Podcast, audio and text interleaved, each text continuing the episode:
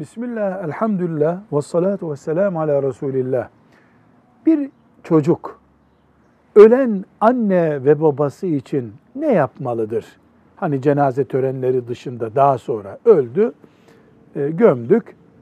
Evlat olarak ne yapmalıyız ki vefalı bir evlat olmuş olalım?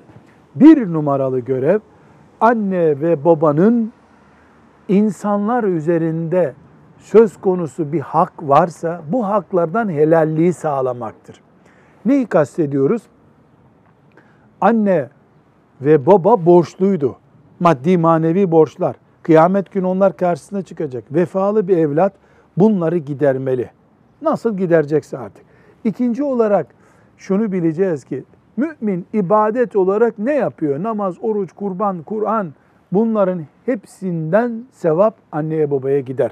Bunları yapmalı. Onlar için sadakalar vermeli, tövbeler, istiğfarlar, dualar yapmalı. Velhamdülillahi Rabbil Alemin.